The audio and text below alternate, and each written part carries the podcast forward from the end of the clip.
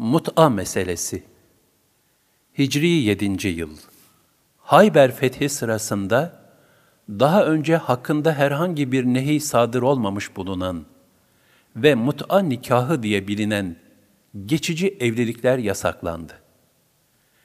Cahiliye nikahı olan bu mut'a nikahı şu hadisi şerifle haram kılınmıştır. Mut'ayı talak, iddet ve mirasla alakalı ahkamın teşrii haram kılınmıştır. Mut'a, bir kadınla ücret karşılığında belli bir vakit için nikahlanmaktır. Cahiliye devrinden kalan bir nikah şeklidir. Mut'a nikahı önceden belirlenen müddetin dolması ile sona erer. Veraset, nafaka, iddet gibi normal nikahla hasıl olan haklar mut'ada yoktur. Bunun için Hayber fethinden itibaren müteaddit hadislerle haram kılınmıştır. Hz. Ali radıyallahu anh'ten gelen bir rivayet şöyledir. Şimdi Allah Celle Celaluhu onu kıyamet gününe kadar haram kılmıştır. Kimin yanında mut'a nikahlı bir kadın varsa artık ona yol versin.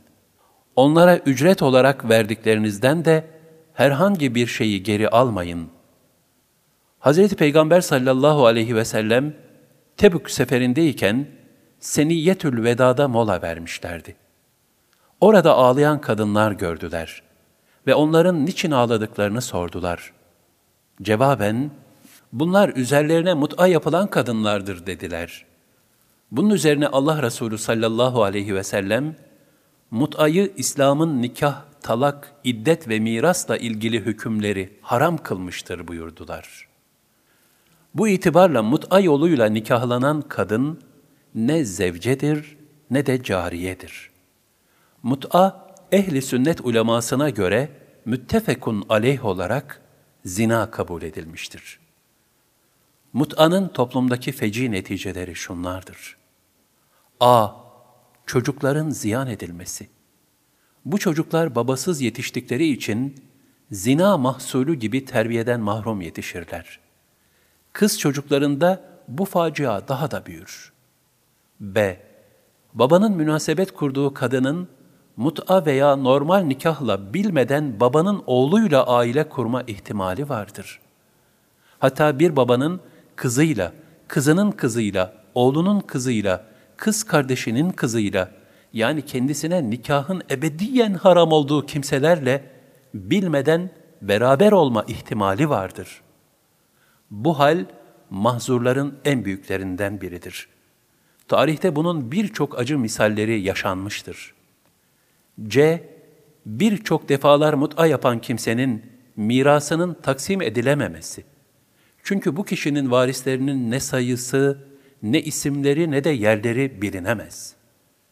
Mut'a nikahının getireceği bu mahzurlar gerçekten çok vahimdir. Nesli heba etmekten başka bir şey değildir.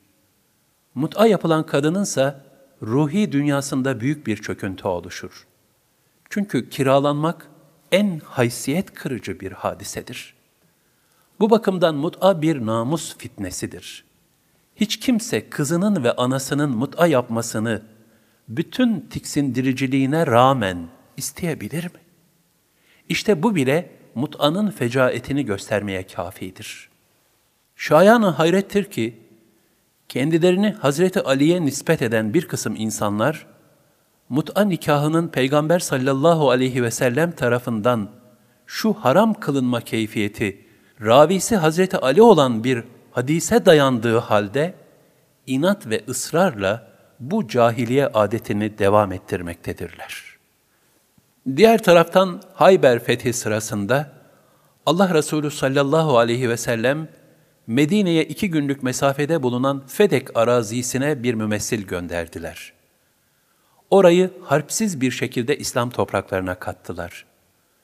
Son olarak Hayber dönüşü yol üzerindeki küçük Yahudi yerleşim merkezi olan ve Vadi-il Kura denilen yerde dört günlük bir kuşatma neticesi fethedildi.